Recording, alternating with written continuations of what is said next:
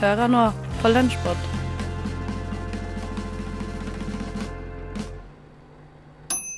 Ja, Da var det onsdag igjen, dere. Midt, eh, midt mellom barken og veden i uka, men eh, det er i hvert fall godt og varmt i Oslo for tiden. Du hører på Lunsjpod her på Radio Nova, programmet som gir deg de beste godbitene fra uka som har gått her på kanalen. Mitt navn det er Theis Maelsen, og vi kickstarter denne halvtimen med en god dose fra Skumma kultur. For 8. mai det er jo vår frigjøringsdag, og Henning han markerte 74-årsdagen for den tyske kapitulasjonen i 1945 med en semierotisk novelle. så er det frigjøringsdagen i dag. Selveste 8. mai. Og i den anledning så har jeg skrevet en, eh, en bitte liten eh, erotisk novelle eh, fra frigjøringsdagen. Det var ikke så veldig erotisk, egentlig. Men det blir litt erotisk etter, etter hvert. Men du kan jo Jeg skal dømme erotikken i Ja, gjør det. gjør det. Fortell meg om det kiler deg på pungen. Åh. Please. Ja, vi elsker runget over byen, og den taktfaste trampeklappen til x antall livsglade nordmenn skapte krusninger i kamomilleteen til Møyfrid. Norge var blitt et selvstendig land igjen, endelig fri fra nazistenes klamme hender, og alle hjerter gledet seg. Unntatt nazisthjerter, da. Møyfrid var en av dem som gledet seg aller mest. Hun var en patriot av de sjeldne, og som et tilskudd til skepsisen mot svensker og dansker hun hadde fått inn med morsmelken, hadde hun i løpet av de siste fem årene lært seg å være mistroisk til tyskere også. Men det var over nå. Møyfrid smilte varmt, reiste seg opp og fant frem fem dartpiler fra skuffen.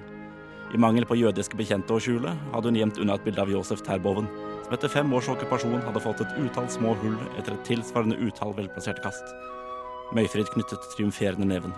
Nok en gang hadde fem av fem piler truffet målet.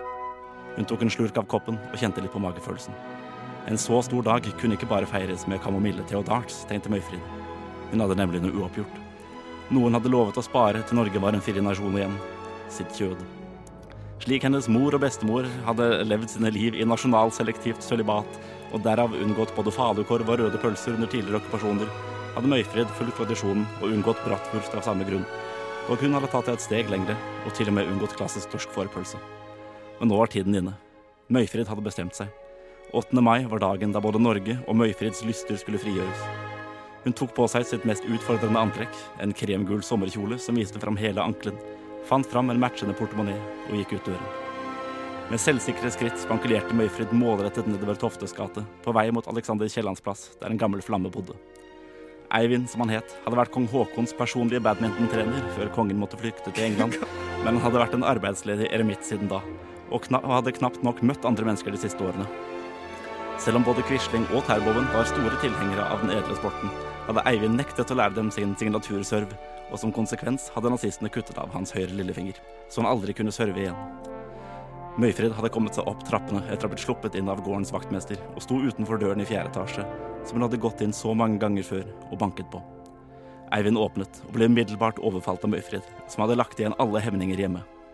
Men i alle, utbrøt Eivind imellom kyssene.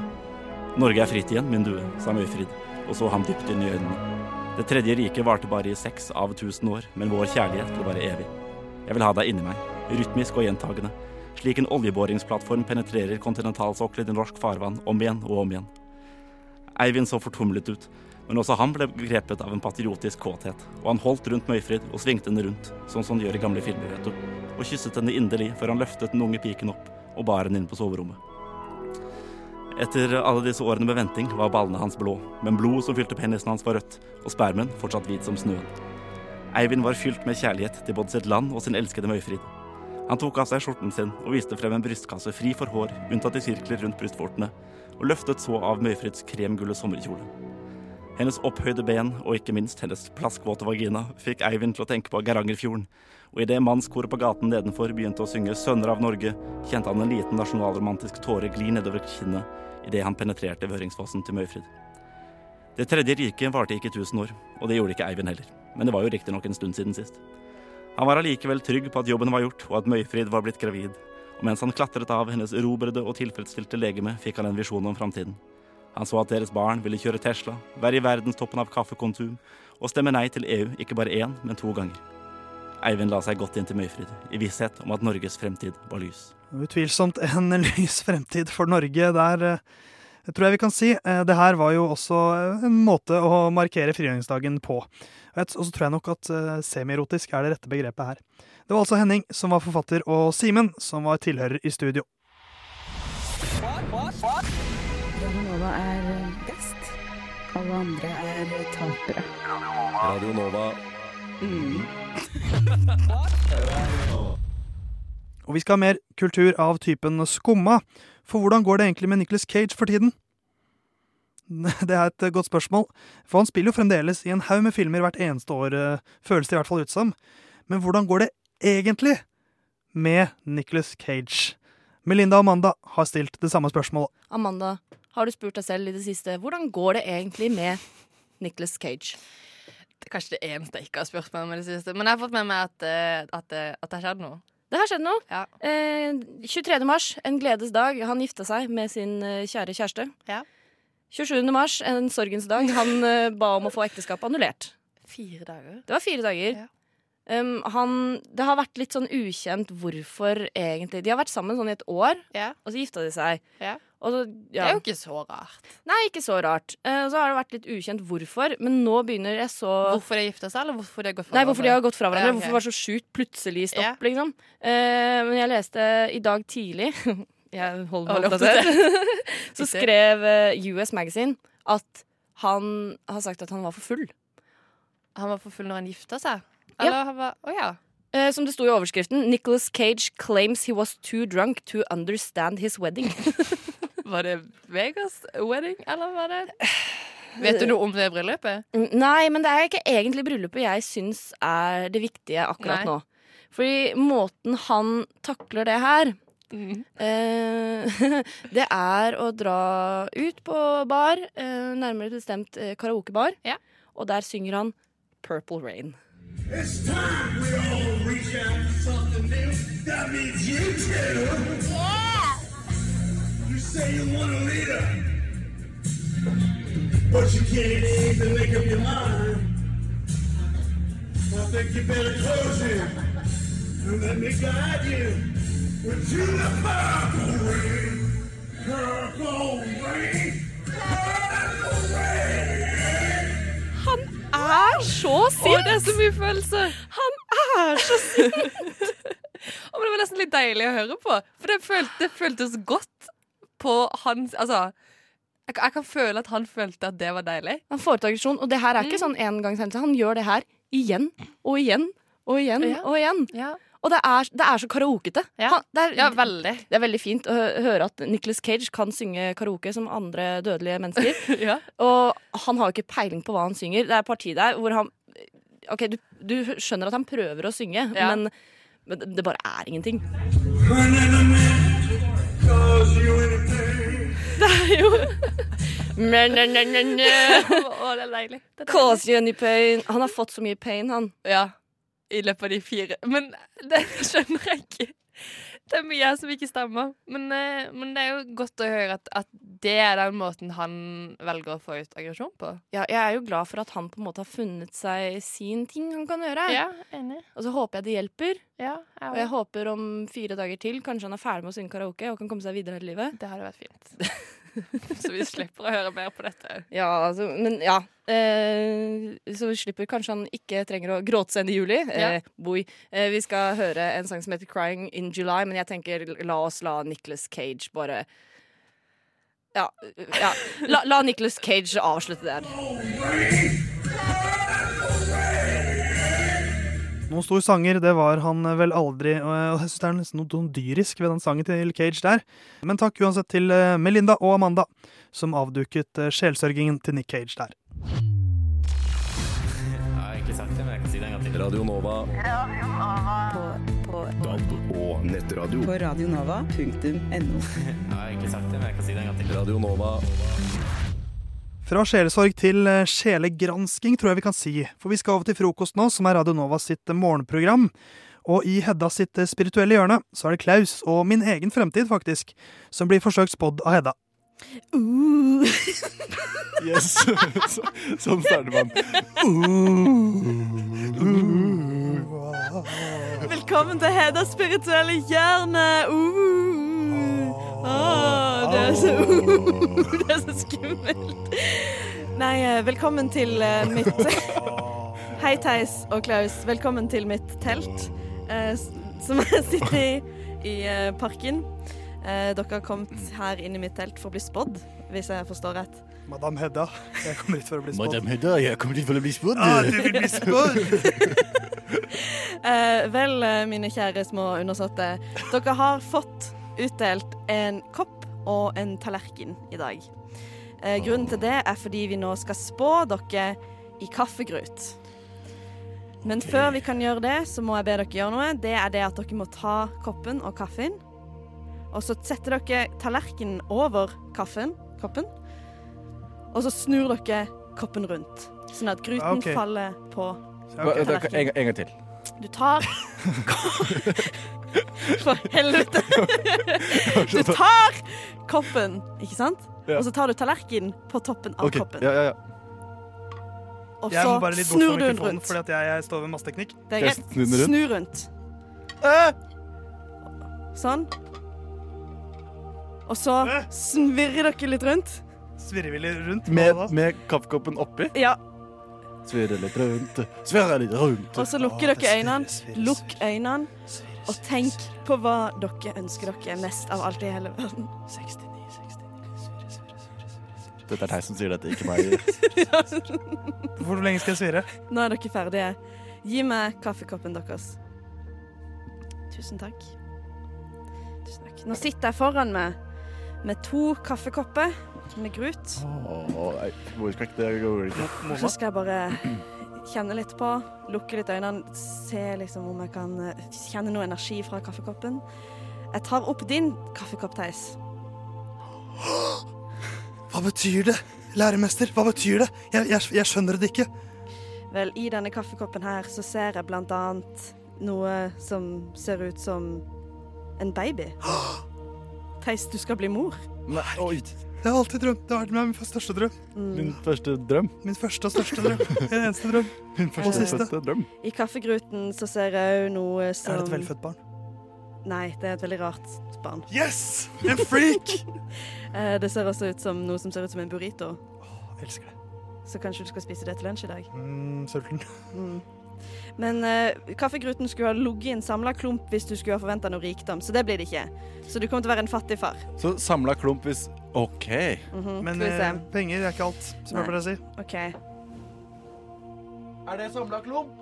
Klaus fikk en samla klump. Nei, det, Klaus det fikk er en ikke samla klump. Jo, Det er bare masse se. vas. Nei, se hvordan din bli rik. Ja, nei, ut. sånn halvveis, Hvem er spåkona her, Theis? Det er meg. Det er babyen min. Ja, Burrito, du, som jeg kaller det. ja. du, Klaus, har noe i din kaffegrut som ser ut som et smilende ansikt. Det betyr at du blir sur. Det, Det betyr at du blir en rik, lykkelig mann. yes! Faen, det er Ja, ja, ja, ja, ja, ja, ja, ja. Men det er jo noe som ser ut som en banan. Så det får du tolke for deg sjøl. Pot- Potassiumforgiftning. Jeg tror det er det det er. Du kommer til å være rik og lykkelig. Folk kommer til å lage reklame om meg med banan, om bananpulver. Ja, du kommer til å bli misbrukt i reklamesammenhenger for å reklamere for bananer. Ja. Eh, kaffegruten til Theis ligger midt i, som vil si et sentrert liv. Mens ditt ligger litt til venstre, som vil si at du vil ha et litt sånn på kanten-liv. OK. Eh, Hva, og hva mener du da? Sånn kriminell? Liksom? det må du tolke sjøl. Det må jeg tolke selv, ja. Ja. ja. Vi, nei, men- vi er her på Hedda spåkoneri, så kan vi bare gi deg halve sannheten. Lille Theis og burrito-babyen. Ja. Klaus. Theis, du får en baby ganske snart. Spise Og burrito til middag. kommer til å være ganske fattig. Klaus, ganske rik. Men ganske banan. lykkelig. Med bananer, men litt på kanten. Men jeg fikk burrito. Du fikk burrito. Jeg har fortsatt til gode å se noe til denne burritoen, eller til ungen nå, faktisk. Jeg tror ikke Klaus har blitt eh, noe særlig rikere siden sist eh, jeg traff han, i hvert fall. Men et godt forsøk, det må jeg si at det var, fra Frokost sin egen spåkone Hedda Ovidia Stølen. Du Du Du hø hø hører På på Radio Nova.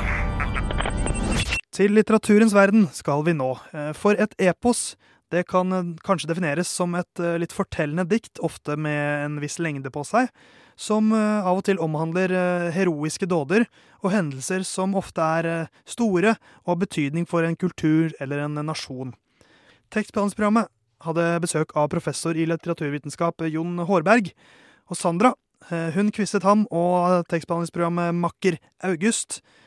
For er de ville plottene hun presenterer her oppspinn eller epos? Da er vi klare for å leke epos eller oppspinn. OK. En mann må velge mellom sitt land eller sin elsker, men ender opp med å tape begge deler og ender opp med en geit. Oi. Skal jeg starte? Altså, bare skrik ut. Eh, skrik ut. Um, det, det, det hørtes eh, Det er oppspinn. Oppspinn. Ja. Ja, så det der med geita, det forvirrer meg litt. Eh, Jeg tror det må være oppspinn. Skal jeg begrunne hvorfor jeg tror det er oppspinn? Nei, nå skal jeg si om det er oppspinn Oh, ja, okay. Og det var helt riktig. Det var faktisk min egen fantasi. Hmm. Men til mitt forsvar så har jeg spilt mye Assassin's Creed Odyssey, Okay. og der var det noen som gjorde noe med en geit. Ah, okay. eh, og det var jo ikke helt riktig. Eh, men Det de gjorde, eller? Det de gjorde med, Med geita? med Det var geita. u- ufint Det mot var geita. ufint mot geita. okay. Og ehm, eh, det Men det er jo Altså, grekerne var jo Ja, de var ufine mot geiter. De var ufine mot geiter, det var greia deres. Mm. Eh, Det var ikke noe mer enn det. OK, neste. Um, en kvinne nekter å gifte seg uh, før hun har fått uh, sydd et eh, Eller gifte seg på nytt før hun har fått sydd et sjal. Epos eller oppspinn. Oi. Ja, det er, f- det er epos, går jeg da. Ta, ja. Ja, jeg kjenner ikke igjen. Så, så hvis jeg kan stole på min egen hukommelse, så er det oppspinn. OK? Ja, jeg har ikke noen god grunn heller. Jeg bare, Nei, det, det men du, August Epos. Ja, oppspinn. oppspinn. Her skiller vi lag, altså. Her skiller vi lag. Ja. Det er veldig synd, altså. Det er så synd, fordi det er faktisk epos. Og yes. August leder. August leder, det er epos. Det er tatt ut fra uh, Odysseen, faktisk. Mm. Det er Penelope som eh, Å ja, veven til Penelope. Ja, det er veven til. Penelope. Jeg, kalte det, jeg kalte det bare et sjal, Sjal, fordi ja. når det ble liksom mer sånn spesifikt, så følte jeg at det Ja, nettopp. Ok, Ja, ja, ja. ja, men det her kan jo jeg, for jeg er idéhistoriker. det er jo, ikke sant? Og det er jo som sagt å ta ting helt ut av kontekst. Ja. Virkelig. Skjønner. Så eh, Ja, jeg ble forvirret av, eh, av det du sa. eh, nekter å gifte seg. Jeg tenkte dette var en eh, ung mø, jeg, og ikke en, eh, Ja, ja. en, en gift kvinne som ventet ja, ja, i 20 år på sin eh, ektemann. gifte- jeg, jeg glemte Da å si gifte seg på nytt. ut. Ja, nettopp. Hadde du sagt det, da tror jeg Da hadde jeg hadde ringt en, en bjelle. Men jeg, jeg innser at jeg foreløpig ligger etter. Mm.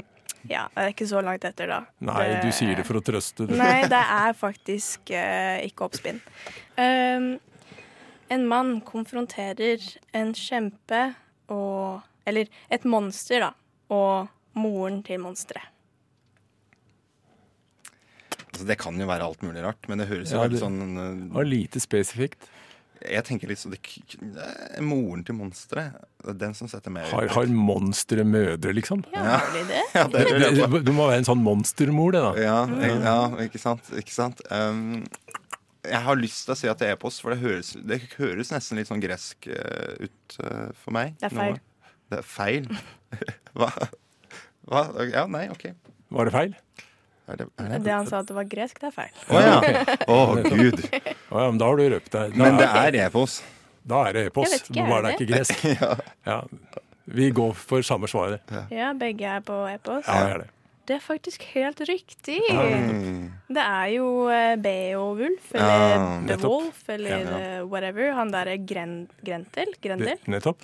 Han, eh, Det er jo han monsteret, da. Ja. Mm. Eh, og så Beowulf. Hvordan uttaler man det egentlig? Beowulf, ja. Beowulf. Han konfronterer jo eh, mora Mm. og sønnen. Ja. Um, og det er jo Ja. ganske Det er litt gøy, da. Sånn der, eh, først så liksom banker du Banker hele familien, da. Ja, ja, ja. Rett og slett.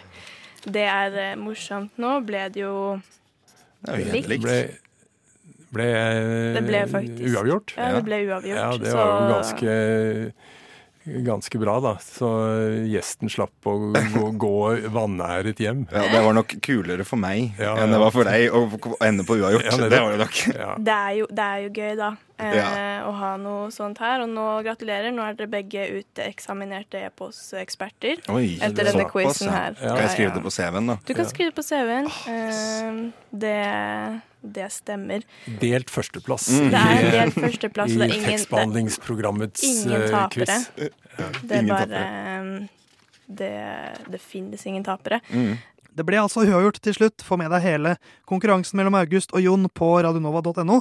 Der finner du tekstbehandlingsprogrammet sin podkast. Du hø hø hører På på Radio Nova. Radio Nova. N-O-V-A Nova. Listen to me. Yo, are you listening?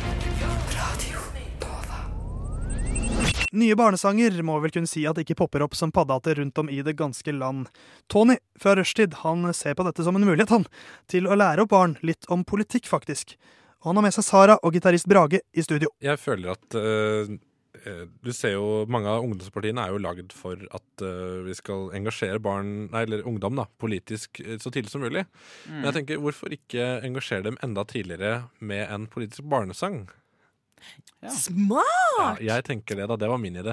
Ja. Nei da, det var ikke det. Det var fin. Men det var, det var jeg som sa det, så da hørtes Ja. ut som min idé. Ikke sant. Ja, eh, og da har vi jo faktisk uh, fått en gitarist i studio her. Det er deg, Brage Pedersen. Ja, takk. Ja.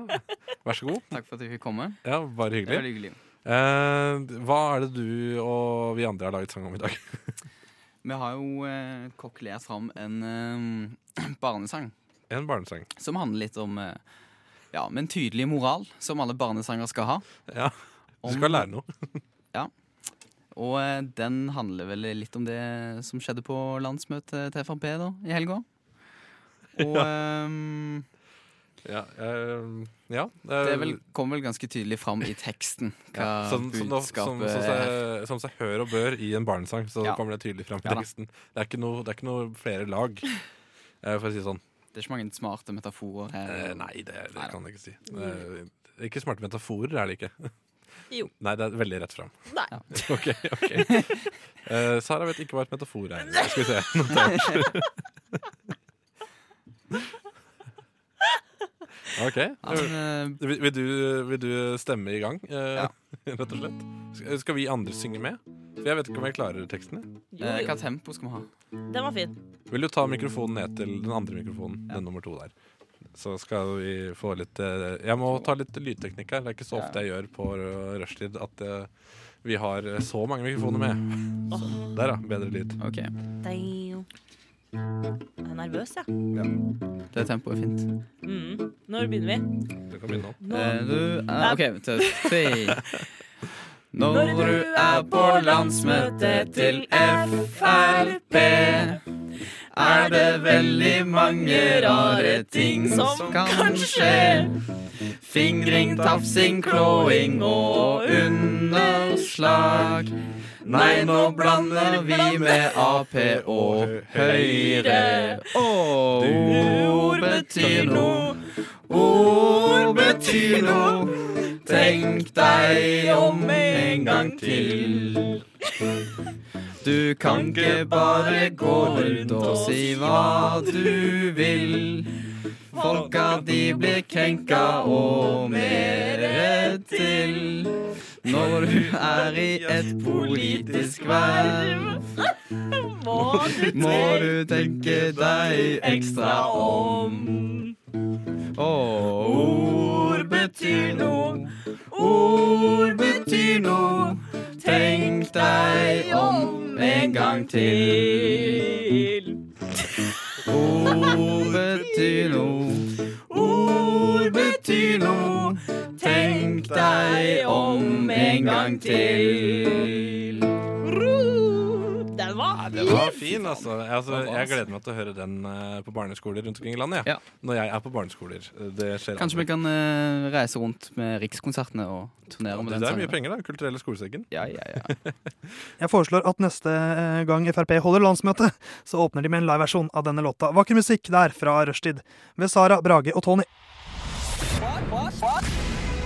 Radio Nova er best. Alle, alle, alle, alle andre er tapere. Radio Nova er best. Radio Nova. Radio Nova. Siden 1982 har Radio Nova gitt deg favorittmusikken din før du visste at du likte den.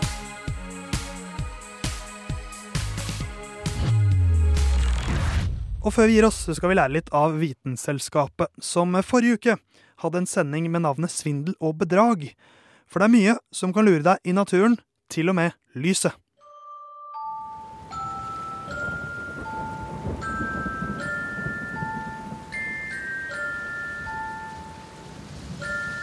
Den flygende hollander seiler hvileløst rundt Sør-Atlanteren og Det indiske hav. Ser du skipet, kjenner du hjertet bli kaldt, og du veit at død og fordervelse er nær. Et spøkelsesskip som flyg i horisonten, sendt fra Gud for å straffe en blasfemisk kaptein. Og ser du et flygende skip, veit du at du er ille ute. Flygende skip er nok ikke vitenskapelig bevisst, men at et skip ser ut som det seiler gjennom lufta, kan forklares. Du forbitt kanskje luftspeilinger med ørkenen. Ei oase som ikke er der, et luftslott som lover frelse. Men luftspeglinger kan oppstå flere enn bare én plass. Det er nemlig noen spesifikke faktorer som må være på plass før du kan se ei luftspeiling. Ljos er bølger som beveger seg gjennom atmosfæra, tilsynelatende uforstyrra av gassen som omringer oss alle. Men den direkte, uforstyrra reisa til ljos fra objekt til subjekt er ikke hele sannheten.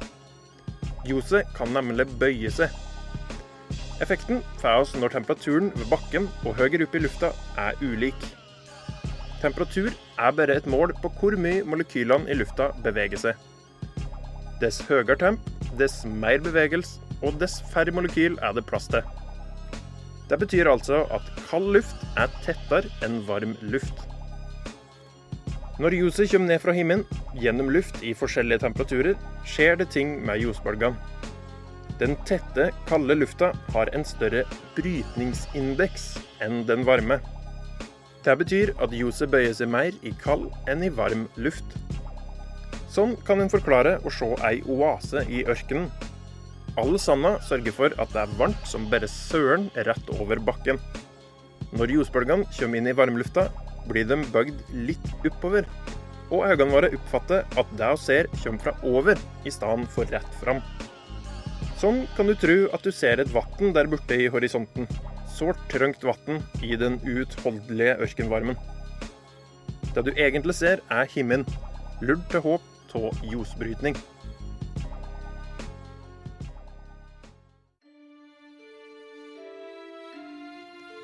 Så var det den flygende hollenderen. Ofte vil det være kaldere nede ved sjøen enn høyere opp.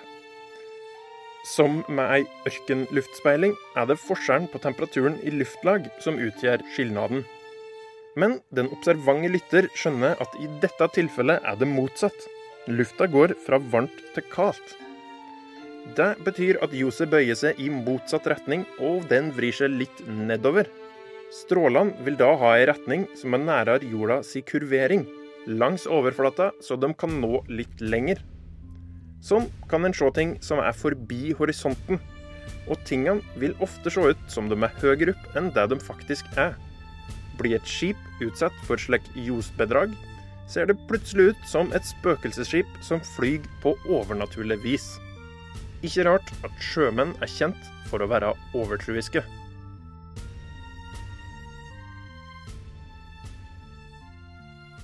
Takk til Carl i Vitenselskapet for den innføringen i luftspeilinger. Så vil jeg absolutt anbefale deg å sjekke ut det som er Radio Nova sitt eh, populærvitenskapelige program. Hver tirsdag klokka ti, eller sjekk ut podkasten i iTunes og på Spotify. Lyssna istället till Radio Nova.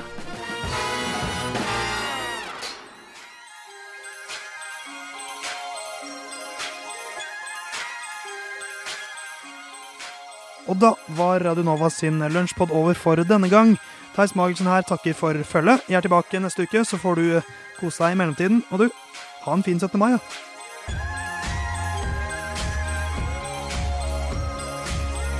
Siden 1982 har Radio Nova gitt deg favorittmusikken din. Før du visste at du likte den.